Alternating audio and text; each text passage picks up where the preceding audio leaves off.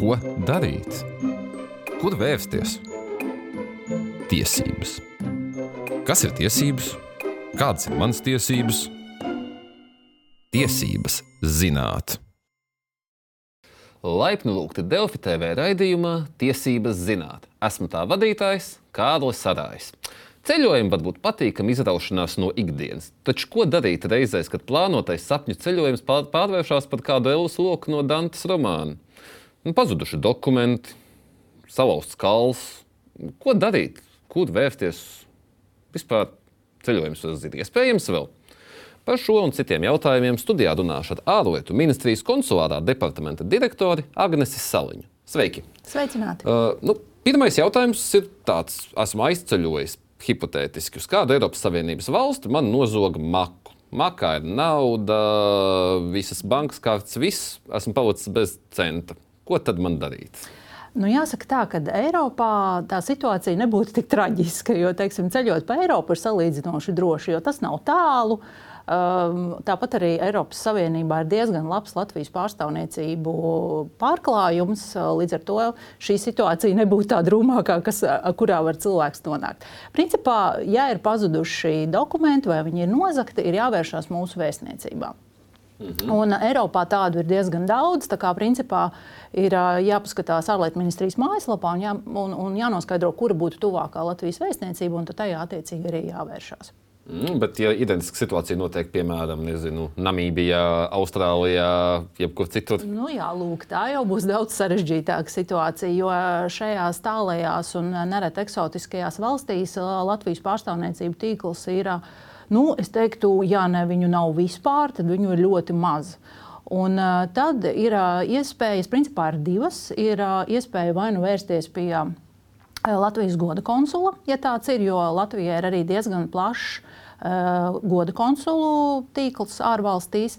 Uh, vai arī vēl ir iespēja vērsties pie kādas no Eiropas Savienības uh, dalību valstu vēstniecībām. Uh, jo um, ir uh, direktīva uh, dalību valstu vidū, kas nosaka, ka tātad uh, es kā Eiropas Savienības pilsonis varu vērsties principā jebkurā no dalību valstu vēstniecībām un saņemt tur arī palīdzību. Mm, un kas labi par naudas skaits? Apase, ja pazūd nu, jebkādi identifikācijas dokumenti. Kā, vai es, var, kā es pierādīšu, nezinu, Polijas vēstniecībai, ka es esmu Eiropas Savienības pilsonis? Principā šī schēma ir identiska, nu, jo tad notiek sadarbība starp Polijas vēstniecību un mums ārlietu ministriju. Mēs tātad palīdzēsim identificēt šo, šo mūsu pilsoni, un tā nav problēma. Tā kā principā schēma ir tāda pati, ir jāvēršās kādā no Eiropas Savienības dalību valstu vēstniecībām. Mm, vēršoties, es vienkārši eju un saku, labdien! Esmu esmu Kārlis Arājs, Latvijas pilsonis. Tieši tā. Un, Tieši tā, un tālāk jau viņi sazināsies ar mums, ar konsulāro departamentu vai attiecīgi ar tuvāko vēstniecību mūsu, un tad jau ar mūsu palīdzību mēs pārbaudīsim datu bāzēs uh, šī cilvēka identitāti, un tālāk jau tur, kā saka, ir uh, noteikts procedūras, kas iedarbojās. Kādā veidā meklēt, uh, var atrast tos konsulāros departamentus, jo, nu, pieņemsim, ir valsts arī, kur varbūt pie internetā pagrūtāk būs tikt. Nu. Nu, laikam kaut kādu internetu pieeju tomēr vajadzēs. Mums ir ļoti laba, ko mēs arī pēdējā laikā diezgan aktīvi cenšamies reklamēt, ir mobilā lietotne ceļot droši. Eh, ko ir iespējams jau pirms ceļojuma, tātad augšup vai lejuplādēt telefonā, un tur ir pieejami visi mūsu pārstāvniecību ārvalstīs kontakti, tostarp arī goda konsulu, arī konsulārā departamenta, tā kā ļoti ērti. Uh, Eh, kur eh, ļoti ērti lietojam brīžos, kad vienkārši saproti, saproti, ka nu, ir slikti, tad var atvērt un apskatīties tuvāko pārstāvniecību. Tādā bez interneta, vai viņai vajadzīgs arī? Nu, es pieņemu, ka kaut kāda daļa noteikti viņi strādā, jo ne, ne, nebūs saņemti jaunākie atjauninājumi, ja nebūs pie interneta, bet nu, tas pamats jau iespējams, ka būs. Mm -hmm. uh, bet kas notiek situācijās, teiksim, ja cilvēks gūst traumu? Un atkal izdalīsim, sāksim ar Eiropas Savienību, un tad aiziesim uz trešo, trešām valstīm. Kas tādā situācijā notiek? Un es nedomāju, varbūt izmežģīt potīts, jo domāju tādu smagu traumu. Jā. Uh, nu jā, nu šie ir diezgan uh, nepatīkami gadījumi ārvalstīs. Uh, un jāsaka tā, ka tamdēļ mēs arī nepagurstot visus aicinām pirms ceļošanas, noformēt ceļošanas apdrošināšanu, ceļojuma apdrošināšanu. Uh, Un šeit atkal ir divas lietas, ko ir vērts atcerēties. Tātad Eiropas Savienībā darbojās tas saucamais EVAK. Eiropas šī apdrošināšanas karte. Un tāpat arī ir brīvprātīgā ceļojuma apdrošināšana. Principā mēs iesakām noformēt abas, jo viņām ir dažādi, nu, dažādas nozīmes. Evaks darbojās tad, ja ir kāds neatliekams gadījums ārvalstīs, savukārt ceļojuma apdrošināšana tā jau ir papildus tam. Jo, piemēram, ja būs vajadzīga repatriācija, tad jau evaks nedarbosies. Tad jums vajadzēs šo tieši ceļojuma apdrošināšanu.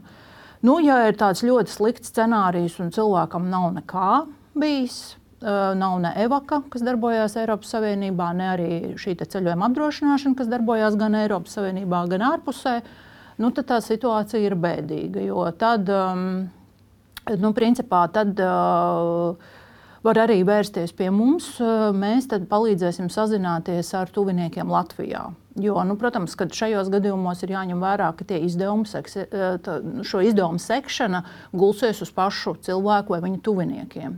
Nav citu variantu. Bet, teiksim, konsulants ne, sākotnēji nepalīdzēs kaut kā sekt, teiksim, ka tuvinieki pēc tam atdod vai tas? Šajos gadījumos mm. īsti nē. nē mē, to, ko mēs darām, mēs varam palīdzēt tātad sazināties ar tuviniekiem Latvijā, mēs varam sazināties ar viņu ar nezinu, darba devēju, piemēram, ir gadījumi, kad ir gatavs iesaistīties, vai pašvaldība, ja viņiem ir kādas iespējas atbalstīt cilvēku.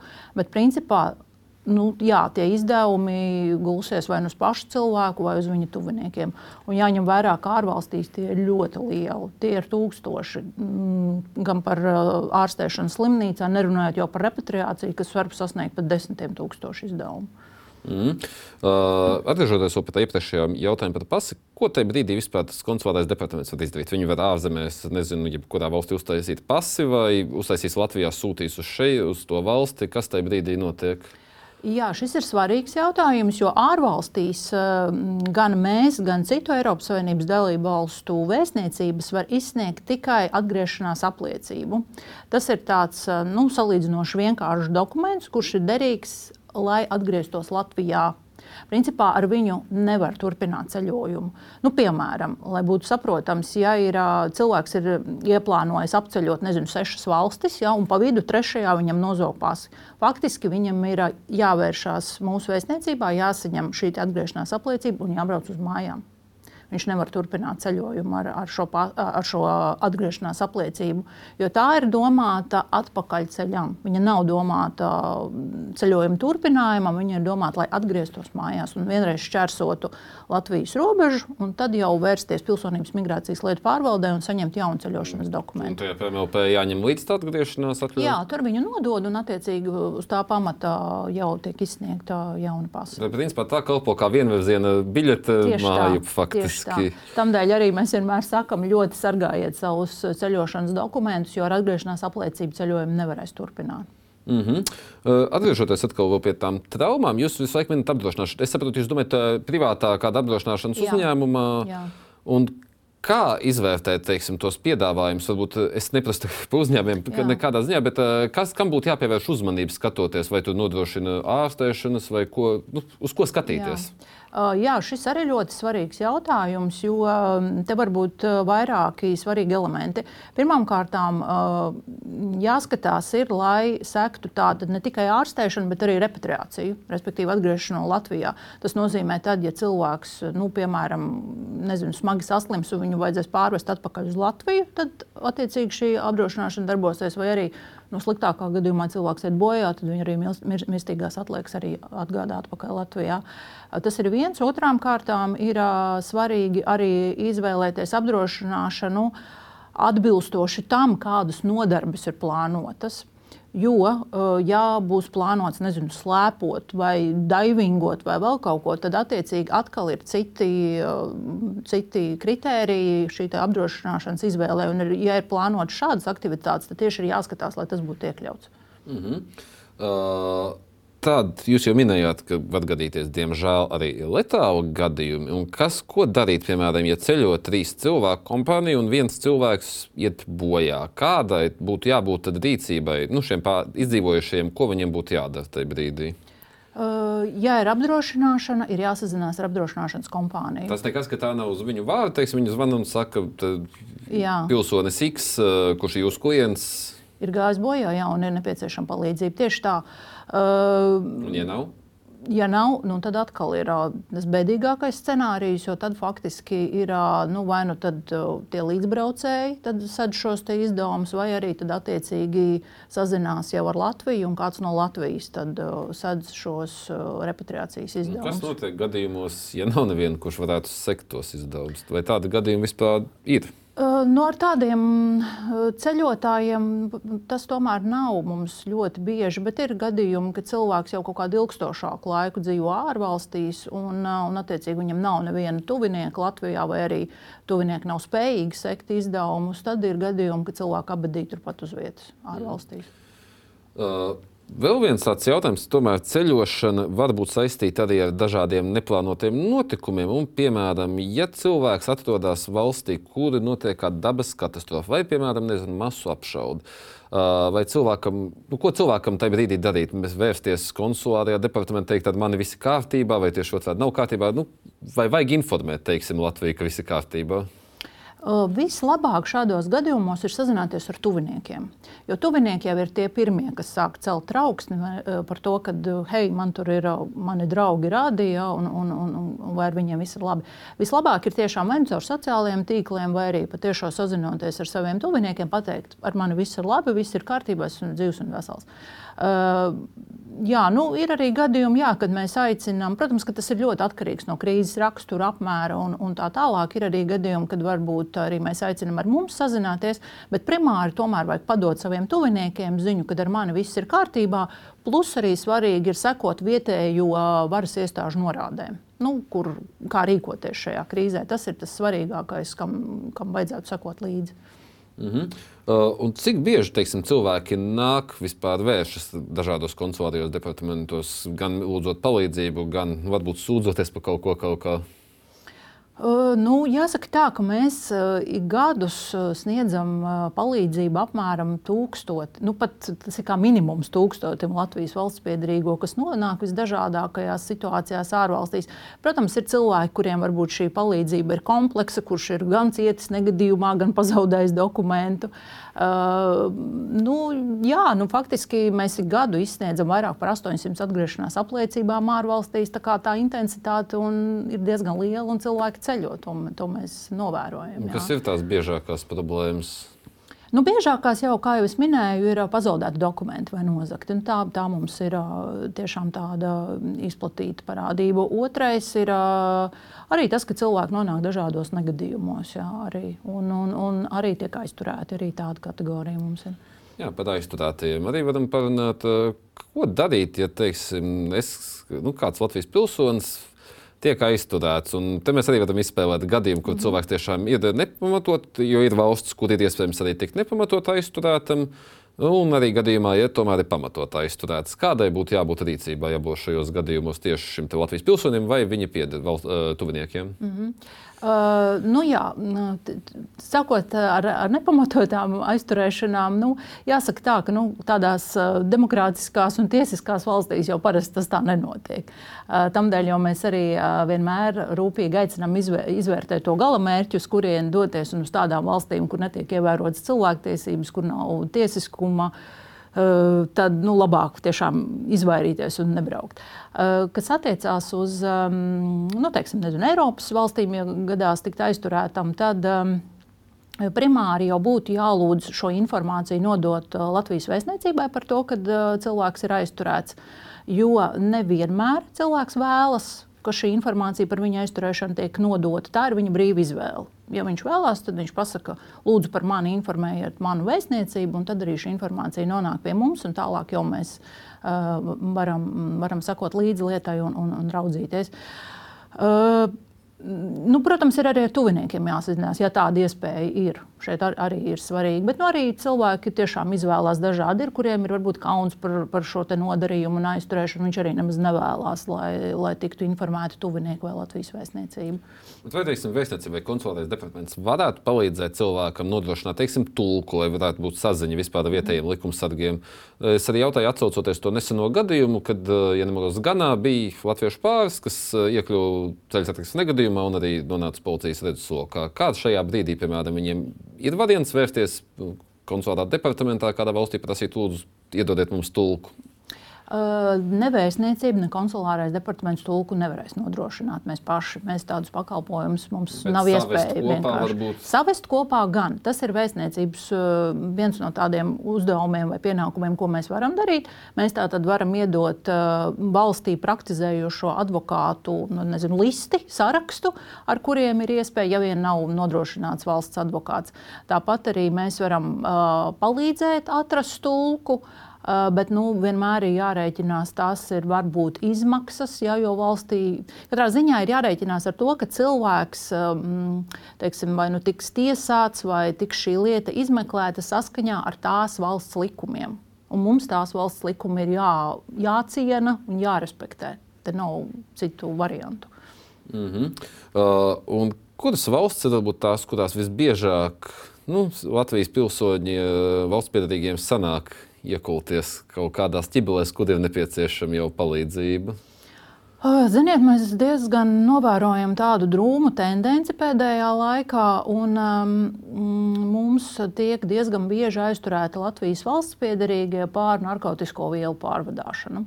Un pēdējā laikā mēs novērojam, ka Latvijā tiek aizturēti diezgan salīdzinoši bieži. Tie jau ir nu, vairāk desmit gadījumu pēdējo gadu laikā. Un, protams, kā jau minēju, ne visi nonāk mūsu redzeslokā, jo cilvēki varbūt nepaziņo vienkārši mums. Uh, nu, jā, tā ir tāda mazliet satraucoša tendence, kas tiešām nu, dara bažīgus. Tieši Latvijā un Eiropā, un kā teiksim, vispār šobrīd ir Krievija, Baltkrievija, tur ir kaut kādas problēmas, jo nu, saprotams, ka nevajadzētu uz turieni ceļot, bet nu, ir gadījumi, kad varbūt ir tuvinieku dēļ vai kaut kāda nav cita iespēja. Tur ir bijušas kaut kādas problēmas pēdējā laikā. Jā, arī Baltkrievijā esam novērojuši, ka cilvēki tiek aizturēti biežāk līdz ar šī mm, bezvīzu režīmu ieviešanu no Baltkrievijas puses, kas tātad pagājušā gada uz lieldienām tika Baltkrievijas puse paziņoja par, par bezvīzu režīmu, ka var Latvijas valsts piedrīgie doties bez vīzes uz Baltkrieviju. Un tad mēs arī novērojām, ka diezgan strauji sāk augt šis aizturēto skaits. Nu, jāsaka tā, ka, protams, ka ne jau visi varbūt viņi tiek aizturēti bez pamata. Ja, tur, teiksim, tas, tas aizturēšanas pamats ir ļoti plašs, sākot ar zādzībām un, un beidzot ar spiegošanu. Ja, tur tiešām ir amplitūda ir diezgan plaša. Jā, viens jautājums, ko es vienmēr esmu pajautājis no filmām patiesībā, un kas ir arī, nu, varētu būt diezgan izplatīts mīts, ir tas, ka, nu, ir tas pieņemums, ka vēstniecība ir tas, nu, valsts teritorija. Un tad, teiksim, ja man svešā valstī ir kādas nepatikšanas, varbūt pat ne ar likumu, bet vienkārši vai es varu nākt uz vēstniecību un savus nu, Latvijas vēstniecību un lūgt tur slēpties no, nezinu, man slikti cilvēki man dzenas pakaļ, piemēram. Nu, jā, nu tā ir tiešām tāda no filmām, kad, tā, jā, kad parādās nezinu, vēstnieks vai konsuls un viss, viss atrisinās, viss, viss jautājumi. No Sanča arī to, tomēr arī Ekvadorā patvērās, Ekvadoras vēstniecībā patvērās. Tāpēc arī. Uh, nu, jā, nu tie ir tādi komplicēti gadījumi, bet principā jau es, kā es teicu, tad mums kā, kā valstī, mums kā pārstāvniecībai konkrētajā valstī, mums ir jārespektē šīs valsts, un mēs nevaram izmantot ļaunprātīgi. Un, ja cilvēks ir izdarījis uh, nodarījumu kādu saskaņā ar tās valsts likumiem, tad viņam ir jāatbrī, jā, jā, uh, nu, jā, jāsaņem attiecīgais sots, un vēstniecība nevar palīdzēt izbēgt no soda. Nu, tāds būtu tas galvenais princips. Mm. Kāpēc šie visi jautājumi man ir tādi? Tāpēc, ka Eh, es cenšos saprast, kurā brīdī cilvēkam varbūt pat jāmeklē tajā valstī palīdzība, un kurā brīdī ir jāmeklē tajā konsulārajā departamentā. Jo nu, mēs no šīs sarunas jau redzam, to, ka konsulārajā departamentā vēstniecība tas var palīdzēt ar pasi, pazaudēt kaut ko. Un tad kurā brīdī varbūt ir jāiet tai valstī pie vietējiem likumsargiem vai varbūt nezinu, jāliek internetā GoFundMe jātaisa. Nu, jā. Uh, nu, Vēstniecība var palīdzēt. Uh, jā, nosauciet tos gadījumus, kad tieši var palīdzēt. Jā, nu, principā jau mēs viņus izrunājam. Jā. Tie būtu pazaudēti dokumenti. Uh, tā tad aizturēšana, um, nonākšana kaut kādos negadījumos. Un, uh, principā jau vēstniecība būtu tā, tā iespēja saziņai ar tuviniekiem. Primāri jau, protams, nu, Vēstniecība ir tad, ja cilvēks pats nevar tikt galā ar savām problēmām.